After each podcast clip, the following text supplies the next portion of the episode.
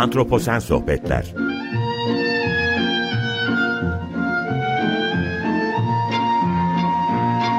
Hazırlayan ve sunan Utku Perktaş Merhaba, iyi akşamlar herkese. Antroposen Sohbetlere hoş geldiniz. Ben Utku Perktaş. Bugün insan çağında önemli sorunlardan biri yoksulluk mu sorusuyla e, programı açıyorum. İçinde olduğumuz çağda eşitsizlikler insan toplumları için önemli sorun olarak karşımıza çıkıyor. Eşitsizlikler dediğim zaman da önemli bir diğer problem akla geliyor. Yoksulluk. Yoksulluk dünya ve insanlık için birçok olumsuzluğu beraberinde getiren çok boyutlu bir problem gibi algılanıyor sanıyorum. Peki bu problem günümüzde tüm dünyada derinleşiyor mu? Derinleşiyorsa neyi yanlış yapıyoruz? Kapitalizm, orta sınıfın karakteristiğini kaybetmesi, tüketimin artması, insan popülasyonunun artması e, benim hep altını çizmeye çalıştığım konulardan bir tanesi. Ve tabii programın da ana eksenini oluşturan biyoçeşitlilik kayıpları ve iklim krizi. Tüm bunlar bu sorunu tetikliyor mu acaba? Bu ve bunun gibi soruları programda bugün cevaplamaya çalışacağız. Çok değerli bir konuğum olacak. Tuğrul Özkaracalar. E, Tuğrul davetimi kabul edip programı konuk oldu. E, programa geldi. Benim için çok kıymetli ve çok değerli. Dolayısıyla kendisini bekletmek istemiyorum. Hemen programı alıyorum. Tuğrul çok teşekkür ediyorum geldiğin için. İyi ki geldin. E, eksik olma. E, çok mutlu oldum. Ve çok ben heyecanlıyım açıkçası. Güzel bir konu konuşacağız. Nasılsın? Ben de. Çok teşekkür ederim. Sağ olasın. Sen nasılsın? Ben de iyiyim. Eksik olma. Çok teşekkür ediyorum. Öncelikle kısaca bir seni tanıtmak istiyorum dinleyicilerimize. Tabii. Turul Özkaracalar doktora tezini yoksulluk üzerine tamamladı ee, ve genel olarak tez başlığından bahsetmek istersen bir dünya sorunu olarak yoksulluğun etik ve insani boyutu üzerine bir doktora tezi tamamladıktan sonra ana eksendeki ilgi alanı etik ama bununla beraber yan ilgi alanları da siyaset felsefesi ve bilim felsefesi ki e, oldukça önemli alanlar. Ve ilgi alanları dahilinde de devlet üniversitelerinde dersler verdi ve e, İstanbul'da da şu anda vakıf üniversitelerinde birden fazla vakıf üniversitesinde konuyla ilgili dersler veriyor. E, ben hemen burada bir parantez açmak istiyorum. Tuğrul Beşiktaşlı ve Beşiktaşlı deyince de e, Abbas kitabından bahsetmek istiyorum. Tuğrul'un kaleminden çıkan benim de okuma listemde ve dinleyicilerimize özellikle de özellikle de önermek istiyorum. Çünkü İstanbul'u merak eden birisiyim ben. Ee, özellikle semtlerin e, geçmişini, tarihini bu anlamda da okunması gereken bir kitap olduğunu düşündüğüm için burada e, Tuğrul bahsetmek istedim. Umarım eksik bir şey bırakmadım. Eksik bir şey bıraktıysam sana sözü veriyorum. Yok hayır. Çok teşekkür ederim. Sağ olasın. Eksik olma. Ee, o zaman yavaş yavaş söyleşiye başlayabiliriz. Ee, bugün yoksulluk üzerine konuşacağız dedim. Ben öncelikle sana şeyi sormak istiyorum. Yoksulluk kavram olarak nasıl tanımlanıyor? Yani biz bunu nasıl algılamalıyız? Çünkü ben hani genel ilgi alanım doğrultusunda biyolojiyle ve biyoçeşitlilikle, iklimle ilgilenen birisi olarak yoksulluk deyince başka bir şekilde düşünüyorum ama e, bu içinde olduğumuz insan çağında bunu nasıl tanımlayabiliriz? Evet, e, yoksulluk aslında e, üzerinde tam bir uzlaşmanın olduğu bir kavram değil. Ne yazık ki.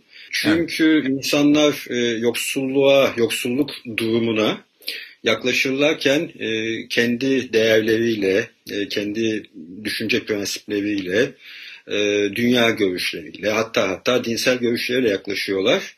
E, durum böyle olunca e, bu yoksulluk durumunu kavramsallaştırmakta da biraz problemler çıkıyor.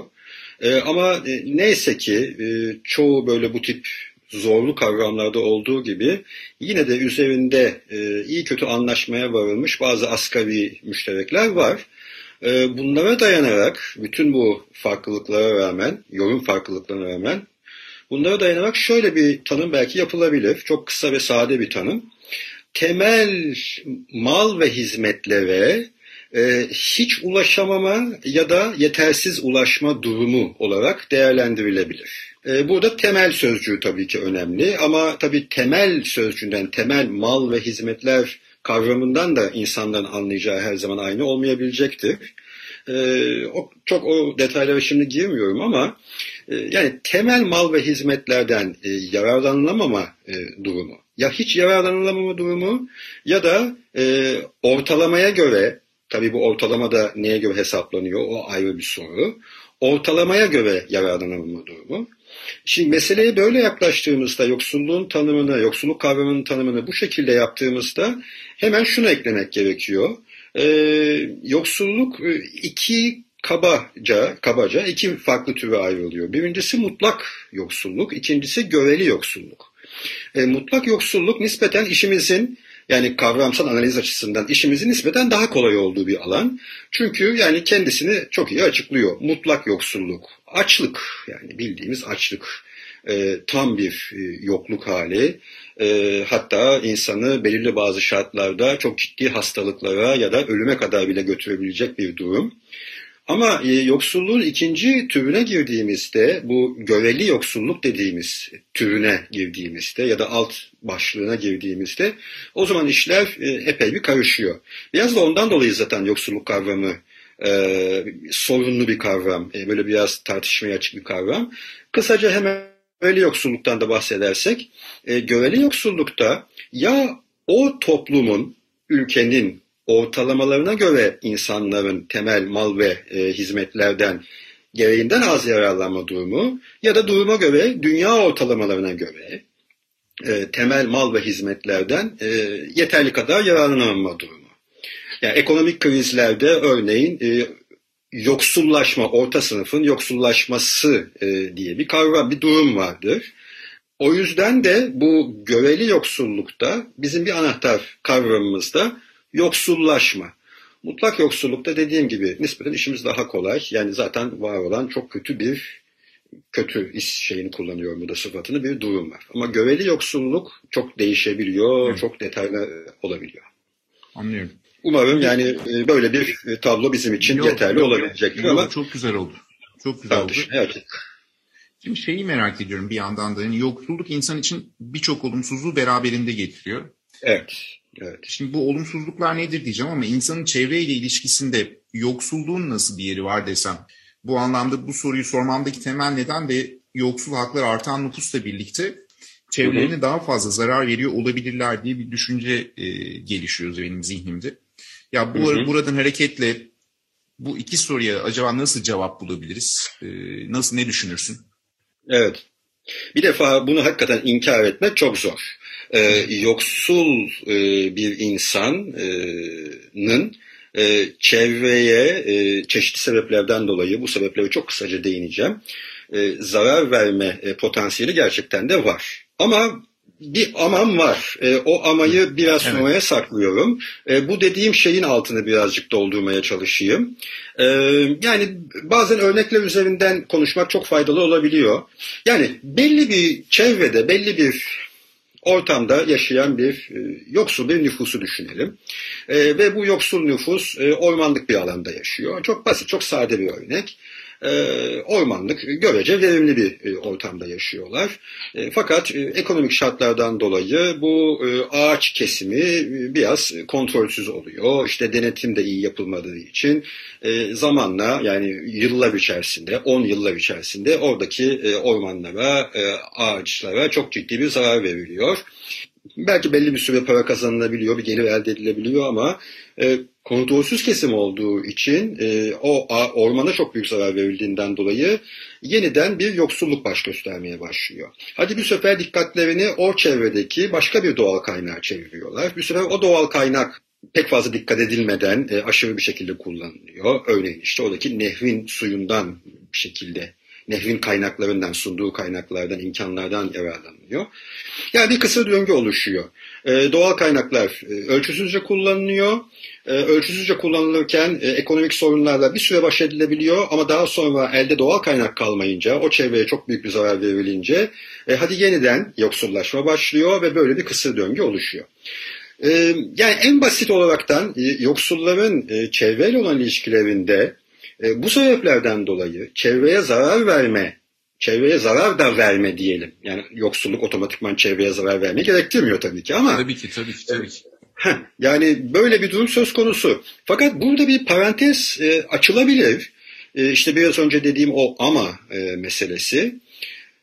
Yoksul kesimin böyle bir durumu varken, e, böyle bir durum hakkında e, konuşabiliyorken daha üst gelir seviyelerindeki örneğin Orta sınıfı da atlayalım hatta daha yukarılara çıkalım. Zengin sınıf diyelim. Yani zengin sınıfların e, çevreye verdikleri zararla yoksulların bu şekilde biraz önce anlatmaya çalıştığım şekilde e, çevreye verdikleri zarar karşılaştırıldığında e, çok enteresan benzerlikleri keşfedilebilir. Yani yoksullarınkinde motivasyon e, hayatta kalabilme, kendilerini idame ettirebilme, işte o başta söylediğimiz en temel e, mal ve hizmetlere ulaşmalarını kolaylaştırma. Ama zenginlere geldiğimizde e, yani o en üst sınıfa geldiğimizde ortalama genel olarak konuşuyorum tabii ki. Yani belki işte e, sistemi sürdürme, e, karı maksimize etme, hatta bazı durumlarda açgözlülük, üst boyutlarda açgözlülük. E, ama sonuçta yani aynı kapıya çıkan durumlar. Bunu da hiçbir zaman için unutmamakta fayda var. Bir nokta daha burada eklenebilir. Yoksulların şöyle bir handikapı da oluyor çevre de e, ciddi bir sorun oluştuğunda bu çevresel felaket de olabilir, e, kaynakların tüketilmesi de olabilir. Bundan gene en fazla etkilenenler yoksullar oluyorlar. Çünkü e, ellerindeki imkanlar fazla geniş olmadığı için kendilerini koruyabilmeleri çok fazla kolay değil. Yani bir yerde bir çevresel felaket olduğunda ya da kaynaklar tükendiğinde, kuraklık olduğunda, erozyon gerçekleştiğinde, bu tip sıkıntılar yaşandığında ee, yine en fazla etkilenen, hadi neredeyse kabağın başına patladıkları diyebiliriz belki. Grup gene evet. yoksullar oluyor. Bu anlamda da tatsız bir kısır döngü. Anlıyorum. Şimdi burada yani potansiyel e, önemli bir şey. O yüzden bu soru bence önemli bir soru çok. Tamam. Çok teşekkür ediyorum. Çok çok güzel oldu evet. bu da. Şimdi burada şeyi merak ediyorum. Şimdi kapitalizmin genel olarak hani sunduğu olanaklar her tür çevre baskısı karşısında insanın yüreğine su serper nitelikte e, olmuş ve 20 20. yüzyıldaki tarımsal patlama örneğin o kaynak kıtlığının ortaya koyduğu zorluklara karşı bir umut olmuş o tarımsal patlamada. Tabii. Ve tabii evet. çevreyle olan ilişkileri de belli ölçüde değiştirmiş ama ben kapitalizmin belli ölçüde orta sınıfın bugün geldiğimiz şartlarda özellikle evet. Çin gibi bir sektör yani Çin gibi bir ülkenin üretim sektörünün içine girmesi. Sonra e, birçok mal ve hizmete ulaşılabilir hale getirmesi. E, evet. Özellikle zenginlerin ulaştıklarını muadillerini yapar olduğu gibi. Ve orta evet. sınıfın biraz karakterini karakteristiğini bozduğunu düşünüyorum ve orta sınıfla yani bu bu bir nüfus artışını da tetikleyen bir faktörmüş gibi düşünüyorum. Yani bu benim kendi düşüncem. Yanlış hı hı. olabilir. Bu konuda senin bilgilerin çok daha derin ama ben sadece şeyi söylemeye çalışıyorum ve bu insanın çevreyle olan ilişkisini de belli ölçüde etkiliyor gibi ama yoksulu yoksulu yaparken aradaki orta sınıfı böyle bir değiştirip sanki e, aldığı hizmet ya da aldığı mallarla e, zengin kesime yaklaştırmaya çalıştığını düşünüyorum. Bu noktada acaba hani böyle düşününce yoksulluk dünyada derinleşen bir problem olarak mı karşımıza çıkıyor bunları böyle düşününce? Ve artıyor mu yoksulluk? E, belli kesimler gerçekten çok yoksullaşırken orta kesimde artık hani yoksullaşmak değil ama aradaki makas hmm. açılıyor. Ve bunu yani e, bir genelleme yaparsak da acaba belli bir coğrafyaya sıkışıyor mu artık yoksulluk? Bu konuda neler düşünürsün? Ya da bu benim söylediklerim mantıklı mı bilmiyorum. Yo yo e, katılıyorum. Yani bu üzerinde aslında giderek daha fazla konuşulan ama yakın zamanlara kadar pek de farkında olunmayan bir e, problemdi.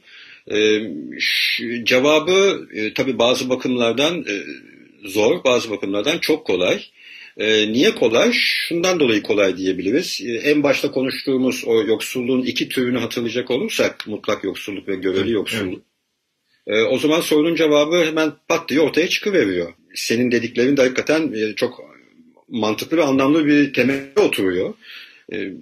Şimdi tüketim toplumu içerisinde insan kendisini ne kadar bir şeylerden e, yoksun hissederse e, o kadar da e, kendisini yoksullaşmış hissedecektir. Evet. Yani yoksul derken e, artık sadece hakikaten böyle pulu olmayan, açlık çok büyük açlık çeken, e, açlıktan e, işte deyim yerindeyse amiyane tabiriyle ağzı kokan insanlar artık çok fazla anlaşılmıyor. Çünkü yoksullaşma denen kavram çok ön plana çıktı son dönemlerde ve yoksullaşma orta sınıflar içinde bal gibi kullanılabiliyor. Yani orta sınıflar kendilerini son dönem içerisinde diyeyim ben, son belki 20-30 sene içerisinde orta sınıftan en azından bir kısmı e, her şeye rağmen e, yoksullaşan bir sınıf olarak da görüyorlar. Bu göveli yoksulluk bağlamında. Yani bunun üstüne tabii çok daha detaylı konuşulabilir, çok ayrıntılı konuşulabilir. E, orta sınıftan ne anladığımız, orta sınıfın e, tarihsel gelişimi tabii oralara şimdi e, girmenin birçok anlamı yok ama ya orta sınıf çok kısaca söylemek gerekirse bir ülkede e, hukuk devletinin ve demokrasinin de önemli oranda garantörüdür. E, çünkü yani genel olarak konuşacak olursak zengin sınıflar, tabii genelleme yapıyoruz burada. Her tabii. tek bir tek tek Neyi kastetmiyoruz tabii ki ama e, zengin sınıfların ve yoksul sınıfların e, demokrasi ve hukuk devletini e, önemsemeleri, e, buna değer vermeleri ve bu tip devletlerde mutlu yaşamaları e, orta sınıfınkinden farklı oluyor. E, orta sınıfın hukuk devleti ve demokrasi konusundaki talepleri e, zengin sınıfla yoksul sınıftan tabii ki daha farklı oluyor. Ee, bunun örnekleri çok çeşitli şekillerde verilebilir. Bu bağlamda, şimdi sorundan da çok fazla kopmayalım. Bu bağlamda ben yoksullaş, yoksulluğun, yoksullaşma kavramından dolayı ağırlıklı olarak yaygınlaştığını ve giderek daha fazla yaygınlaşacağını düşünüyorum. Ama yoksulluk derken bir kere daha onu hatırlatmak isterim sevgili dinleyicilerimize. E, bu göveli yoksulluk başlığı altında anladığımız yoksulluk, yoksullaşma, yoksunlaşma, e, insanın temel olduğunu düşündüğü ki bu kişiden kişiye de değişiyor. Burada da bir problemimiz var. Temel ihtiyaç ve hizmetlerden mahrum kalma, e, tamamıyla ya da kısmen mahrum kalma durumu. Bu dünyada bu ekonomik krizlerden dolayı da giderek yaygınlaşıyor. Seyahat etmeyi, senede bir seyahat yapmayı eğer siz bir temel gereksinim olarak görüyorsanız, Evet. Ee, örneğin Türkiye'de yaşayan bir insansanız bu son döviz krizinden sonra Euro işte 15-16 olmuşken e, e, artık senede bir kere değil de 3 senede bir yurt dışına çıkmanız artık söz konusu olacaksa bu şartlar altında kendinizi yoksullaşmış olarak hissetmeniz çok doğal.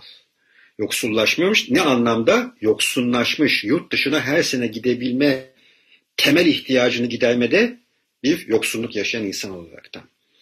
Ben ee, çok bir katılıyorum. Bu, bu, bu çok bu çok bu çok e, güzel benzetme oldu. İçinden geçtiğimiz günlerde gerçekten hani bir bilimci olarak ben de bunu çok net bir şekilde deneyimliyorum. Alım gücümüzün düşmüş olması dolayısıyla evet. küreselleşen dünyada artık bilim dediğimiz zaman sınır tanımıyoruz çünkü. Ee, yani bütün bütün dünya bizlerin kampüsü gibi oluyor. Senin için de böyle, benim için de böyle. Ama e, hareket edemeyecek noktaya doğru gidiyoruz e, alım gücümüz açısından. Çünkü kazandığımız, evet haklısın ve bu anlamda bizler de yoksullaşıyoruz esasında. bu, evet. Bu, bu kesinlikle doğru doğru bir benzetme oldu. Çok özür dilerim ben araya evet. girdim sen bir şey söylüyordun. Yani sonuç olaraktan ne demek? E, sonuç olaraktan şöyle de ya bir bağlama ufak bir e, ek yapılabilir.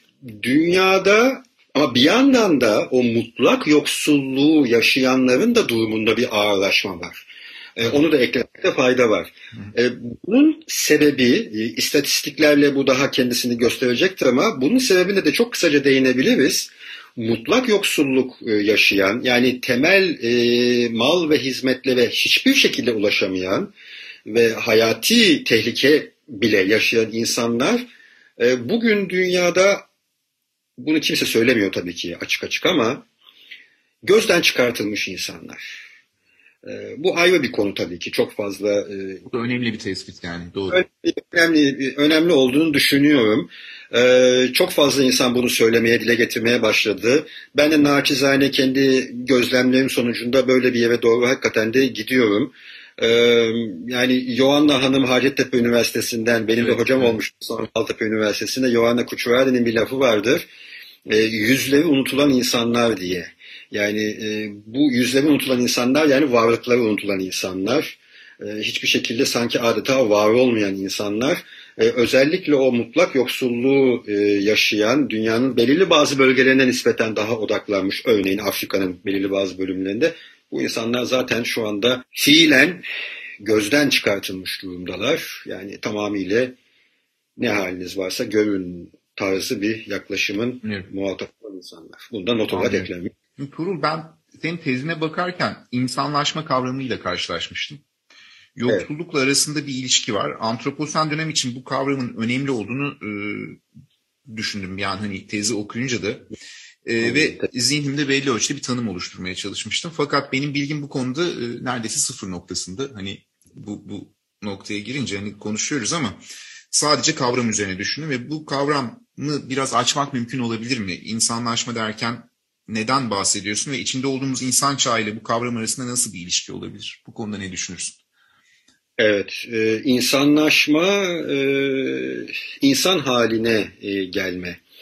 E, yani e, çok amiyane gündelik dille söyleyecek olursak aslında bu görüşe göre, bu anlayışa göre e, insan annesinin karnından insan olarak doğmuyor. E, insan şeklinde doğuyor diyelim çok dediğim gibi amiyane bir tabir kullanaraktan ama işte toplum içerisinde önce aile içerisinde sonra okul işte arkadaşlar çevresi toplam to, toplumsal çevrede e, insanlaşıyor. E, belirli bazı değerleri öğreniyor. E, gelenekler, görenekler, e, bu şekilde bir insanlaşma süreci potansiyellerini keşfediyor. Bu da potansiyel anahtar bir sözcük. E, potansiyel derken neyi kastediyoruz? Sadece böyle yani e, yürüme, görme, e, gibi fiziksel e, kavramlar değil, aynı zamanda örneğin sanatla uğraşma, e, ne diyebiliriz, e, böyle soyut kavramlarla uğraşma, felsefeyle uğraşma, e, siyasetle e, uğraşma e, ve aynı zamanda işte e, sevme, sevilme, arkadaşlık kurma, bunun gibi e, daha böyle insana özgü diye e, adlandırdığımız potansiyelleri gerçekleştirme, insanlaşma diye anladığımız ve insan hakları, insan hakları konusunda belli bir bilince sahip olma, bu anlamda insan onurunu hak etme, bunları anlıyoruz insanlaşma derken. Ama burada çok kısa fazla detaya girmeden bir parantez de açmak istiyorum aslında. E, bazı dinleyicilerin ilgi çekici olabilir bu. E, çünkü e, insan kavramı gerçekten de problemli bir kavram. E, insandan ne anladığımız e, çok önemli. E, bir insan tanımı yapmamız, özellikle bu e, insan ve toplum bilimlerinde ve felsefede çalışan insanlar için bence bu çok ön bir, ön bir gereklilik de. Yani insandan ne anlıyorsun kardeşim? İnsan tanımın ne? Ama bu tabii kolay değil. Çünkü insan doğası dediğimiz şey e, öyle belli bir fix, sabit bir insan doğası var mı yok mu daha tam emin değiliz. E, yani insan tamamıyla ucu açık da bir varlık aynı zamanda. Bundan 500 yıl sonra ne olacak, 1000 yıl sonra ne olacak hiçbir şekilde bilemiyoruz. Yani bunları da e, bir kenarda koymak lazım. o yüzden insani potansiyel derken e, şu anda kabul edilen yani modern insanın potansiyellerini gerçekleştirmeyi ben daha çok anlıyorum. Bundan binlerce sene önce örneğin animist insanlar yani doğadaki bugün bizim cansız dediğimiz nesnelerde ruh gören insanlar biraz farklı potansiyellere sahip de insanlardı. Bunu bir, şey, bir yandan da herhalde toplumun kültür yapısı da insan olmayı bu noktada hem de nasıl, hem de nasıl tabii kesinlikle ki. o insanlaşmayı etkileyen bir süreç. Dolayısıyla farklı tabii. farklı bu anlamda da bir çeşitlilik görüyoruz. Tabii ki. sohbet sohbet çok güzel, söyleşi çok güzel ve zaman acayip hızlı akıyor. Ee, her zaman böyle oluyor. Sohbet böyle kaliteli olunca. Şimdi son olarak son olarak bir şey sormak istiyorum. Dünyadaki eşitsizlikler e, aslında başta konuştuk bunu ama kapitalizmin tetiklediği sorunlarıyla artıyor. Yani bir eşitsizlik problemi var esasında. Bugün en temel problemlerden bir tanesi. Tabii. Tüketimin artması, orta sınıfın karakteristiğini kaybetmesi, çevresel krizler bunların ortaya çıkması aslında e, bahsettik ama hı hı. yoksul insanlar hani çevreye zarar veriyor mu diye değil ama bunlar artınca yoksullaşma artıyor mu? Artıyor. Tabii ki artıyor. Yani bunu hakikaten inkar edemeyiz. Ee, bunu tekrar tekrar söylemek lazım. Ee, bu anlamda söyleşimizin ayrıca bu açıdan faydalı olacağına ve insanları Kesinlikle. e, düşünmeye çekici olduğunu e, ben de düşünüyorum. E, yani yoksulluğu sadece e, işte açlık tamamıyla bir yoksulluk hali olmanın dışında eğer görüyorsak görüyorsak ki görmeliyiz bence artık günümüzün evet. bu dünyasında bu toplumda görmeliyiz. Ee, yoksulluğun bir yaygınlaşmasından söz etmemiz çok doğal. Yani sayın dinleyicilerimiz şu şeyi unutmasınlar diye ben tavsiye ederim kendi naçizane. Tabii ki, tabii ki. Yoksulluktan tartışıldığında, yoksulluktan konuşulduğunda, yoksulluk hakkında tartışıldığında aslında anahtar sözcük yoksunluk, yoksunluk. Bir şeyden yoksun olmak ya da işin psikolojik boyutunda katacak olursak yoksun olduğunu düşünmek bile bir nevi bir yoksulluktur. Ee, yani Şeyin eksikliği gibi yani bu Evet, evet, evet, evet. Yani komşumun falanca marka arabası var ve 3 senede bir arabasını değiştirebiliyor. Benim filanca marka arabam var, 15 senedir değiştiremiyorum. Ee, yani bu ilk bakışta biraz ters gelebilir insanlara. Yani hocam bu yoksulluk değil, bu başka bir şey denilebilir. Siz başka bir şeyden konuşuyorsunuz. Tartışılır. Felsefi anlamı tartışılır. Bu tartışmaya açık bir şeydir.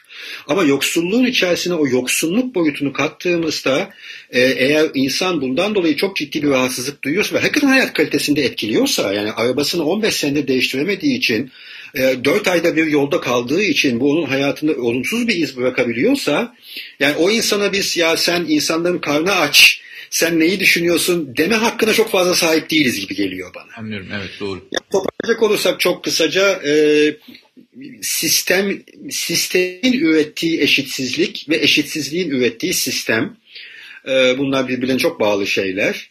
E, birileri e, yoksul olduğu için birileri zengin. Bunu yani inkar etmenin pek kolay olduğunu zannetmiyorum. Yani eşitsizlik yaygınlaştıkça, eşitsizlik genişledikçe yoksulluk da e, yaygınlaşıyor ve hatta hatta derinleşiyor da ve beraberinde bir sürü psikolojik, insani, insan haklarıyla bağlantılı problem getiriyor tabii ki. Çok teşekkür ediyorum Tuğrul. Gerçekten çok güzel bir söyleşi oldu. Olasın, ee, son sorum bu şekildeydi. Ee, vakit ayırdın geldin. Ben tekrardan eksik olma diyorum. Ee, gerçekten neden, çok neden? çok çok mutlu oldum çok ve çok da üretken bir sohbet oldu. Ee, Sağ olasın. Ben bu vesileyle sana ve dinleyicilerimize iyi akşamlar diliyorum. Antroposen Sohbetler önümüzdeki haftalarda biyoçeşitlik ve iklim sohbetleriyle devam edecek. İyi akşamlar diliyorum. Hoşçakalın.